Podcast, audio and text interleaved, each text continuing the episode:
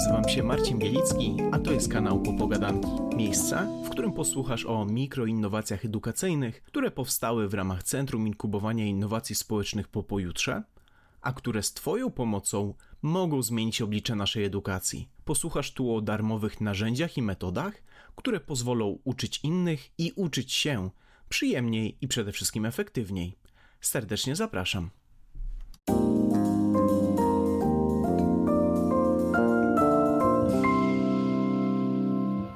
W dzisiejszym odcinku będziemy rozmawiali o tym, jak dbać o nastawienie na rozwój i w jaki sposób traktować błędy i porażki jako naturalny element procesu uczenia się. I to właśnie w tym odcinku popełniłem błąd. Źle ustawiłem dźwięk podczas nagrania. W dwóch krótkich fragmentach będziecie mogli usłyszeć pogłos.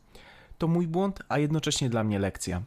I Was też zachęcam do eksperymentowania, uczenia się nowych rzeczy i wspierania w tym innych. A jak to zrobić, dowiecie się z dzisiejszej rozmowy, na którą serdecznie zapraszam. Moimi gośćmi dzisiaj są nauczyciele, twórcy innowacji i nie waham się użyć określenia liderzy polskiej edukacji. Dorota Uchwat-Zaród i Marcin Zaród. Dzień dobry. Dzień dobry. Dzień dobry. Dzisiaj porozmawiamy o tym, czym różni się nastawienie na rozwój i nastawienie na trwałość oraz jak uczyć się i uczyć innych efektywnie i innowacyjnie. Chyba idealnym wstępem do naszej rozmowy pokazującym to, jak często nie jesteśmy świadomi problemu, który nas otacza, jest to, że czasem nawet w najlepszej wierze, chwaląc nasze dzieci czy uczniów, możemy tak naprawdę ich krzywdzić i hamować ich rozwój. Czy moglibyście powiedzieć trochę więcej o tej pułapce, w którą często wielu z nas dość nieświadomie wpada? Tak, jako rodzice czasami staramy się dodać skrzydeł naszym dzieciom, na przykład mówiąc im, że są bardzo utalentowane w jakiejś dziedzinie, y, a okazuje się, że tak naprawdę te nasze szczere intencje potem mogą y, zamienić się w jakby kontrproduktywne mm, efekty, y, bo takie dziecko faktycznie zgodnie z tą teorią nastawiania na rozwój albo nastawiania na trwałość może poczuć się obciążone jakimś um, jakimś oczekiwaniem naszym, e, do którego musi doskoczyć i które musi podtrzymać. No tak mówiąc krótko, jeśli mówisz do dziecka, ale z ciebie geniusz, po prostu jesteś cudowny, fantastyczny, e, genialny, no to, to dziecko może następnym razem po prostu bać się wyzwań, dlatego że no może się jednak okazać, że wcale nie jest taki mądry, zdolny i genialny i po prostu się obawia. I to jest taka duża pułapka, a tak naprawdę chcemy wychowywać dzieci tak, żeby one były otwarte na wyzwania, żeby chciały te wyzwania podejmować. I tutaj nie mówimy tego czysto teoretycznie, tylko faktycznie nasze własne doświadczenia z synem y, wskazują na to, że kiedy po zakończonych zawodach kung fu na przykład, pamiętam do tej pory wracaliśmy z Krakowa z Pucharu Polski, gdzie on zajął drugie miejsce i ja mówiłem, Kamil, patrz, ty jesteś tak utalentowany, masz taki, taką smykałkę do tego kung fu, wystarczyłoby, żebyś tylko trochę popracował, a wiesz, on drugie miejsce zdobył, tak? Żebyś tylko trochę bardziej popracował, co by mogło się wtedy zadziać, tak? I nagle okazało się, że ja wtedy z doświadczeniem 25-letnim pracy nauczycielskiej, studia odbyte z elementami psychologii gdzieś tam y, w różnych przedmiotach na uniwersytecie, y, takie rzeczy mówiłem i po pracy nad y, tą innowacją i kiedy dowiedziałem się o zasadach mm, wspierania, nastawiania na rozwój, to złapałem się za głowę, co ja robiłem, mimo że byłem pełen dobrych chęci. Według mnie byłem też dobrze do tego przygotowany merytorycznie. Okazało się, że dokładnie w przeciwnym kierunku moje mm, dobre intencje się obracały. No teraz widzimy właśnie, że jeśli mówisz do dziecka, że jesteś taki zdolny, jakbyś jeszcze troszkę popracował, no to może trochę to sugeruje, że tylko tak naprawdę te osoby, które są mało zdolne i mało inteligentne, muszą pracować, a ten talent jest taki, taki ważny i stawiany gdzieś powyżej na, na piedestale. I to jest naprawdę no niebezpieczne. Mhm. E, wspominaliście już kilkukrotnie o nastawieniu na rozwój i nastawieniu na trwałość. E, podejrzewam, że wielu naszych słuchaczy i słuchaczek e, nie do końca prawdopodobnie wie, o czym tak naprawdę mówimy, więc zanim przejdziemy do dalszej części rozmowy, może takie kilka słów wprowadzenia, czym w ogóle jest nastawienie na rozwój i czym jest nastawienie na trwałość. podstawą nastawienia na rozwój jest wiara w to, że inteligencję można rozwijać. No i teraz pytanie, ilu naszych słuchaczy jest przekonanych, że tak właśnie jest? Ponieważ e, zrobiono badania PISA w 2018 roku. roku, gdzie przebadano e, uczniów z 78 krajów i okazało się, że Polska jest na pozycji ósmej od końca, e, czyli 70 czy 71. Wiele osób e, jest przekonanych, że inteligencja to jest coś stałego, z czym się urodziliśmy i albo jesteśmy inteligentni, albo nie, i niewielki mamy tak naprawdę na to wpływ. Natomiast podstawą nastawienia na rozwój, jeszcze raz e, powtórzę, jest to, że wierzymy, że tą inteligencję można rozwijać. I teraz, dlaczego to w ogóle jest ważne? To można by się nad tym e, zastanawiać. No, my to porównujemy do siłowni. Gdyby była taka sytuacja, że idziesz do siłowni i ktoś ci mówi, e, no wiesz co, tak naprawdę to no, masz jakiś tam jakieś tam mięśnie masz już zbudowane, masz e, jakąś tam budowę, ale tak naprawdę niewiele możesz zrobić. Możesz sobie tu przychodzić, możesz sobie ćwiczyć, ale tak naprawdę nieważne, czy będziesz ćwiczył e, dużo, czy mało, czy weźmiesz mniejsze, czy większe ciężarki, bo tak naprawdę niewiele możesz zrobić. No, wyobraź sobie, że masz takie samo przekonanie co do swojej inteligencji. Nieważne, czy pracujesz dużo, czy mało, czy się uczysz więcej, czy podejmujesz większe wyzwania, mniejsze, i tak niewiele możesz zrobić. No i to jest właśnie e, ta, ta podstawa, że to daje ci zupełnie inną motywację do uczenia się, do pracy, do pracy nad sobą, e, do podejmowania właśnie jakichś e, bardziej wymagających zadań. No i teraz dlaczego to jest w ogóle takie ważne? Tak? Dlatego, że profesor Carol Dweck, która jest twórczynią w ogóle całego konceptu i od 30 lat prowadzi badania nad nastawieniem na rozwój, stwierdziła, że te osoby, które posiadają te cechy, które świadczą o, o nastawieniu na rozwój, nie boją się podejmować wyzwań. One wręcz traktują wyzwania jako coś, co pozwala im się rozwinąć. Nie boją się popełniać błędów, bo znowu każdy błąd to jest y, lekcja, z której można wyciągnąć wnioski. Tak samo wysiłek, y, jeżeli takie osoby Y, muszą włożyć dużo wysiłku w pracę, a umówmy się, że w dzisiejszym świecie niestety większość rzeczy wymaga od nas wytężonej pracy, to ten wysiłek y, osoby z nastawieniem na rozwój postrzegają jako coś naturalnego i oczywistego. To nie jest dla nich coś, co by źle o nich świadczyło.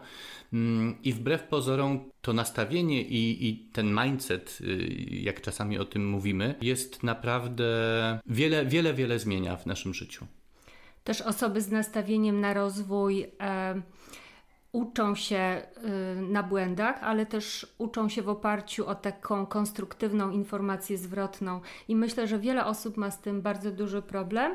Podobnie jak e, to, że inspirują się y, sukcesami innych, czyli nie postrzegają sukcesów innych jako takiego lustra, w którym oni sami się przeglądają i myślą, że no ja jestem nieudacznikiem, bo ktoś inny odnosi sukces, a mi się to nie udaje.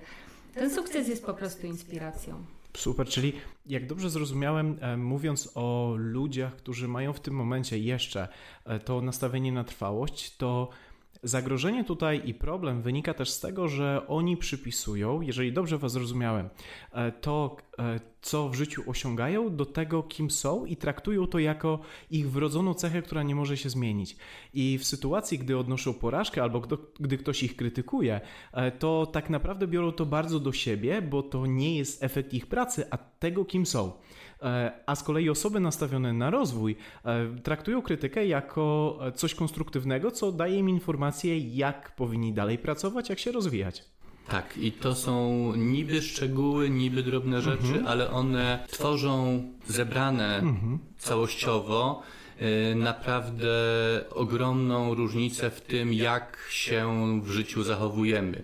Y, ja muszę powiedzieć, że od czasu, kiedy zaczęliśmy pracować nad tą innowacją, naprawdę wiele też w moim prywatnym życiu personalnie się zmieniło, bo okazało się, że kiedy jestem świadomy na przykład y, tego, jak działają porażki i że one nie świadczą właśnie o mnie, o mojej inteligencji, tylko dają mi szansę na większy rozwój, to nawet ucząc się włoskiego na Duolingo w tym momencie już nie myślę o sobie tak jak wcześniej, ok, jestem już tak stary, że się nigdy nie nauczę, bo tyle błędów robię, tylko po prostu mówię, ok, dobra, znowu się rąbnąłem na jakimś jednym słówku, to znaczy, że jak jeszcze ze dwa razy ten błąd popełnię, to to słówko będzie tak nauczone jak żadne inne. E, więc to daje ogromną y, przewagę człowiekowi, który też y, no, bardziej optymistycznie jakby spogląda na życie, bardziej optymistycznie patrzy na to, co go czeka. Y, I ja mam wrażenie, że jakby programowo zacząłem podejmować nowe wyzwania już z tą świadomością tego backgroundu, tej wiedzy w tle, e, co te wyzwania mm, mogą mi dać. Czy... Ale też ważne jest to, ja tutaj jeszcze chciałabym dodać, że to nie jest tak, że się ma albo nastawienie na rozwój, albo nastawienie na trwałość, bo bardzo często jest tak, że w pewnych sytuacjach odzywa się w nas to nastawienie na trwałość, a w innych jednak mamy nastawienie na rozwój. I warto zacząć od tego, żeby sobie uświadomić, w których momentach, w których miejscach odzywa się właśnie we mnie to nastawienie na trwałość. Ja mhm. nawet mówię, że warto sobie nazwać to nastawienie na trwałość, które zapewne w większości osób gdzieś jest. Moje nastawienie na trwałość to Gertruda i Marcin się ciągle śmieje, że a właśnie przemawia przez ciebie Gertruda. No i niestety ta Gertruda przemawia. I ja zaobserwowałam, że u mnie Gertruda często odzywa się w sytuacji właśnie jakichś wyzwań. Ja chyba za bardzo boję się porażki czasami i w, takiej, w takich momentach odzywa się ta moja Gertruda, ale po co ci to? No ale, ale w ogóle nie, no wygłupisz się, lepiej w ogóle tutaj, lepiej żeby cię nie mhm. było. Można było w domu siedzieć, Dokładnie. po co się wyrywasz? Czy nie będzie zbyt e, dużymi słowami powiedziane, jeżeli słuchając tego, co powiedzieliście przed chwilą, e, podsumowałbym trochę tą część, że nastawienie na rozwój pozwala nam e, łatwiej podejmować inicjatywy, e, traktować przyszłość jako coś, co możemy sobie wytworzyć według naszej wizji, no bo tak naprawdę możemy zmienić dużo, to nie jest nam dane, to jest efekt naszej pracy i tego, ile my włożymy wysiłku w nasz rozwój i w pewnym sensie to, co mówicie, e, pozwala nam dużo bardziej holistycznie się rozwijać. Tak, to jest o wiele bardziej optymistyczna wersja mhm. rzeczywistości i może dlatego tak bardzo do mnie trafiła dlatego że zrozumiałem, że już nie muszę niczego udawać przed innymi. Mm, nawet e, takie kwestie kulturowe, które wiążą się nawet z tymi badaniami, które były przeprowadzane w 2018 roku, czyli zaraz przed e, pandemią, które mm, dowiodły, że faktycznie polscy nastolatkowie i nastolatki mają duży problem Y, z tym nastawieniem na rozwój. Y, dokładnie to jest tak, że tylko niewiele ponad 40% polskich uczniów y, posiada to nastawienie na rozwój. Natomiast najwyższe noty osiągali uczniowie w takich krajach jak Estonia, Dania, Niemcy.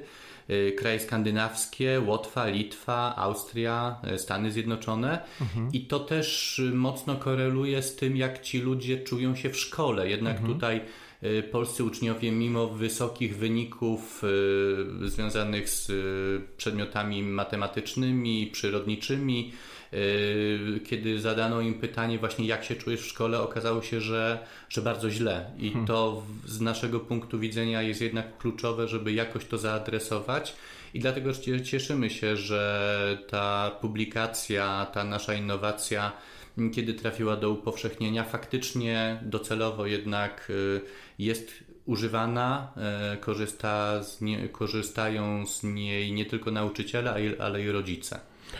Czyli tak jak słucham, e, to jeszcze tutaj można byłoby powiedzieć, że tak naprawdę nastawienie na rozwój jednocześnie pomoże w pewnym stopniu e, ludziom z e, poczuciem własnej wartości chociażby. To skoro już wiemy, jak wiele korzyści się z tym wiąże, to w takim razie myślę, że to jest odpowiedni moment, żeby przejść do tego, w jaki sposób wspierać to nastawienie na rozwój z wykorzystaniem waszego projektu, waszej innowacji. E, przejdźmy do godzin rozwoju w Piguce, tak krok po kroku. E, jak Przyjmiemy sobie, że słucha nas nauczyciel czy nauczycielka, która chciałaby rzeczywiście wspierać swoich uczniów. To co powinni zrobić krok po kroku, żeby skorzystać z Waszej innowacji? Nastawienie na rozwój jest głównym tematem pierwszej części e, naszej publikacji i ono przygotowuje nauczyciela do tego, żeby mógł z kolei wdrażać e, metodę projektów pasji, która jest metodą, nie ukrywajmy to, e, będącą wyzwaniem dla nauczyciela, bo wymaga od niego oddania części mm, swojego zarządczego procesu dla y, uczniowi y, części odpowiedzialności y, i autonomii y, przerzucenia tego na stronę ucznia. I... No ale teraz to chyba nie idzie pro, krok po kroku. Ja tak, myślę, tak. że tak, krok po kroku to nauczyciel może pobrać sobie naszą publikację i na początku zapoznać się z pierwszą częścią poświęconą nastawieniu na rozwój, zrobić sobie krótki taki kwestionariusz e, i sprawdzić, czy ma dominujące nastawienie na trwałość, czy nastawienie na rozwój, albo w których miejscach to nastawienie jest dominujące. I w momencie, kiedy sam siebie zdiagnozuje, może popracować nad swoim nastawieniem. Ale potem mamy też e, plany lekcji, mamy scenariusze, jak prowadzić takie zajęcia z uczniami, jak budować u nich nastawienie na rozwój. I to jest pierwsza część naszej publikacji. Tam są również podcasty, które y, mają inspirować do, do zmiany y, i do pracy nad własnym nastawieniem.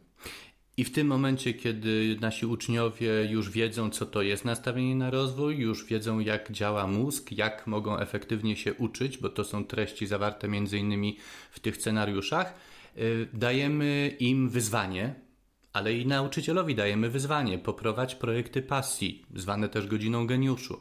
Czyli zaproponuj swoim uczniom, żeby na przykład raz w tygodniu jedną z lekcji przeznaczyć na projekty, których tematykę zaproponują sami uczniowie.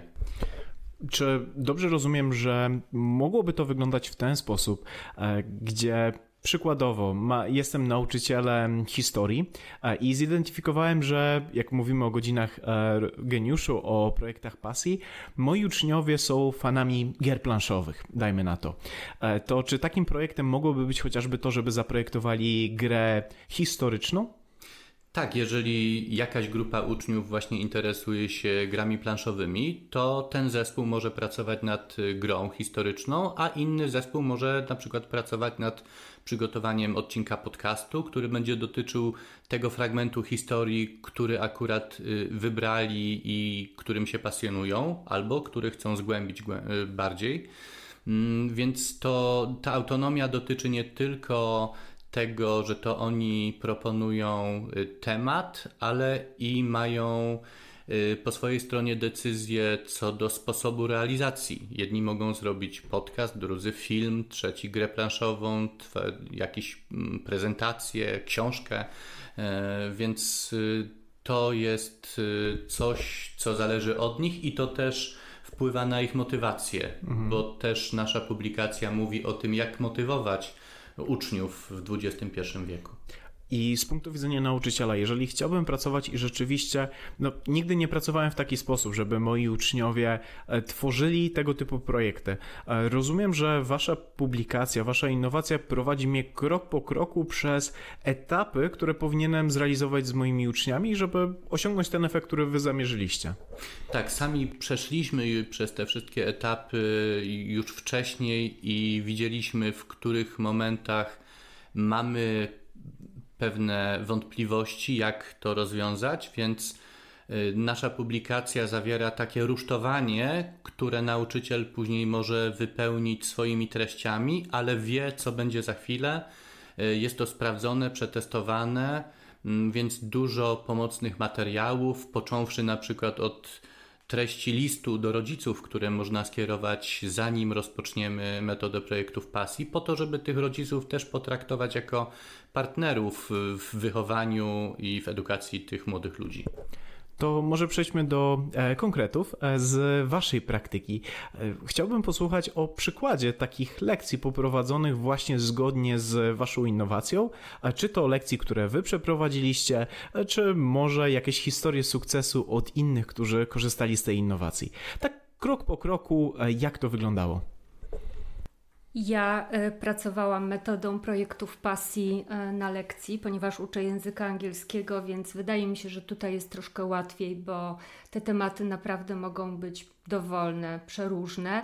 E, I muszę powiedzieć, że to nie jest tak, że od razu uczniowie z jakimś hura entuzjazmem do tego podchodzą, bo a przyszła pani i wymyśliła sobie coś i wszyscy hura i brawo mi biją. To tak naprawdę mm, wcale tak nie wyglądało. Na początku jest taki, takie sceptyczne podejście, niektórzy chcą, inni troszkę mniej.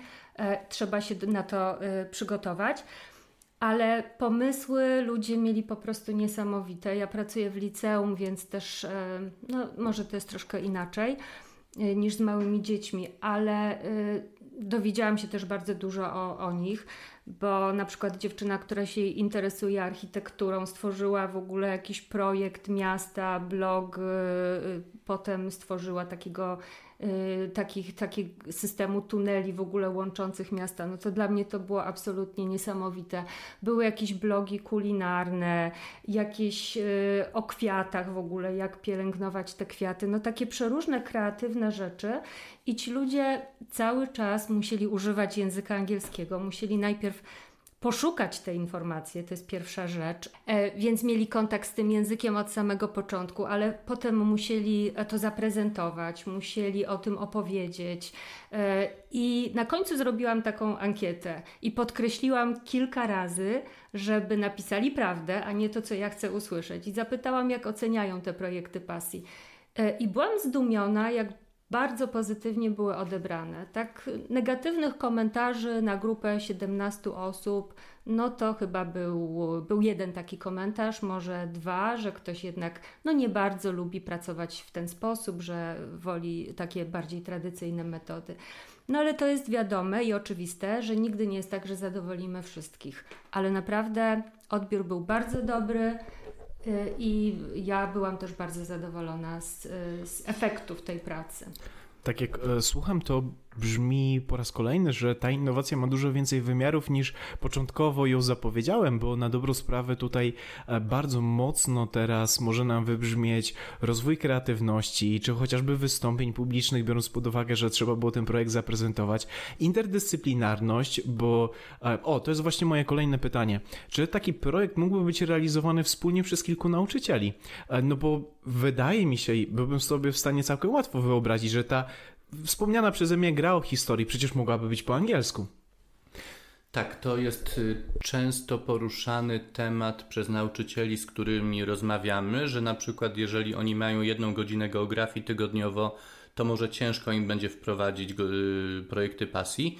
I my wtedy mówimy: OK, ale dogadaj się z nauczycielem, który uczy informatyki, mm, dogadaj się z na przykład właśnie anglistką czy nauczycielem języka polskiego, bo może się okazać, że te projekty mogą być interdyscyplinarne, czyli wtedy częściowo mogą uczniowie je realizować na Twoim przedmiocie, a częściowo raz na jakiś czas, na przykład co parę tygodni, na przedmiocie osoby, z którą współpracujesz. I to myślę, że o wiele bardziej klei się z tym, jak wygląda obecny świat, że dzisiaj e, nawet kwestie związane ze sztuczną inteligencją bardzo często przekraczają bariery tylko technologiczne, one obejmują kwestie moralne, kwestie etyczne Mm, kwestie językowe, wszystkie modele e, sztucznej inteligencji, przynajmniej mm, chat GPT to jednak jest e,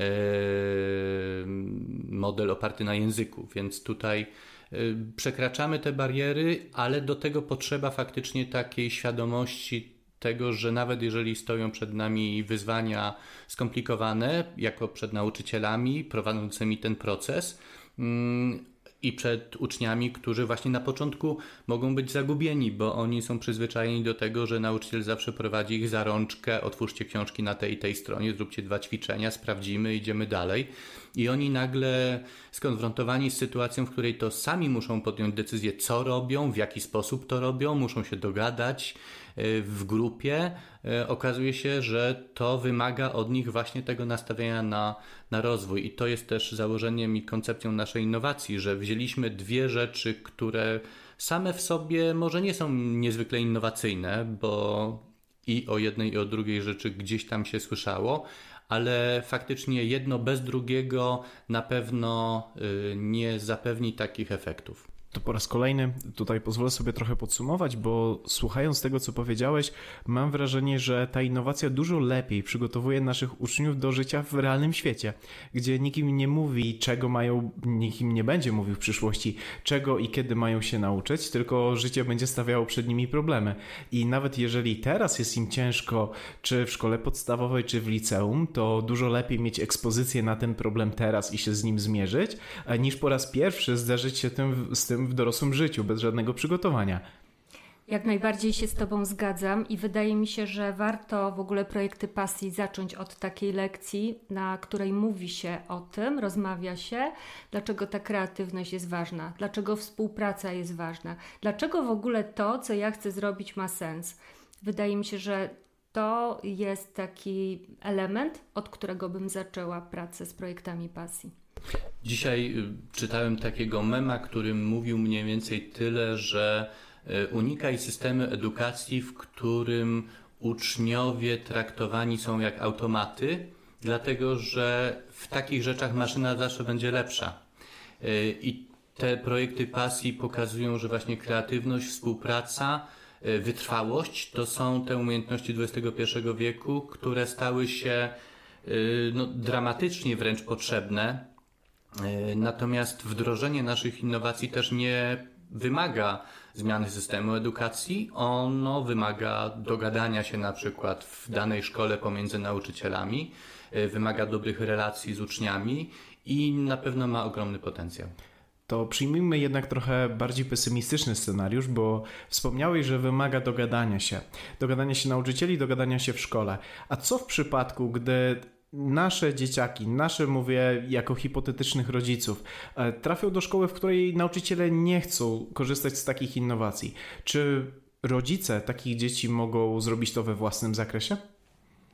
Myślę, że pierwsza część naszej innowacji, czyli ta skierowana do, y, do rodziców i dotycząca nastawiania na rozwój, to jest gotowy materiał do tego, żeby e, zaczerpnąć z tych y, pomysłów, porozmawiać z dzieckiem, na przykład na temat efektywnych metod uczenia się wynikających z tego, jak nasz mózg działa, że ten nasz mózg jest e, taką machiną, która jest stworzona wręcz do uczenia się, czyli w tym momencie to dziecko nabiera przeświadczenia, że nawet jeżeli będą rzeczy w szkole trudne, to ono będzie się w stanie tego nauczyć, bo jest wyposażone w ten silnik, który tylko odpowiednim paliwem zalany pojedzie.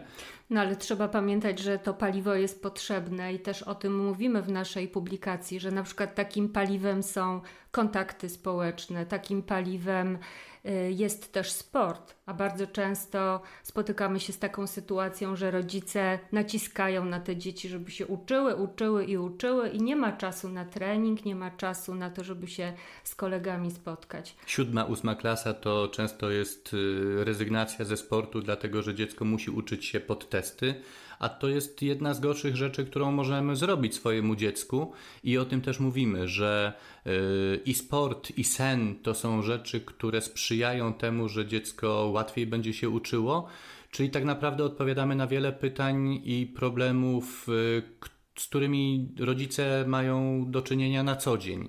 Natomiast jeśli chodzi o same projekty pasji, to też nawet z młodszymi dziećmi, jeszcze nie chodzącymi do szkoły, można porozmawiać na temat tego, że jeżeli dziecko kupuje sobie świnkę morską czy chomika, to to może być dla niego takim projektem pasji, bo zdobywa informacje na temat tego, jak to zwierzę się odżywia, gdzie trzymać, jak go pielęgnować. Ja ze swojego dzieciństwa pamiętam takie sytuacje, że właśnie po zakupie jakiegoś zwierzątka trzeba było iść do biblioteki, zdobyć te e, informacje.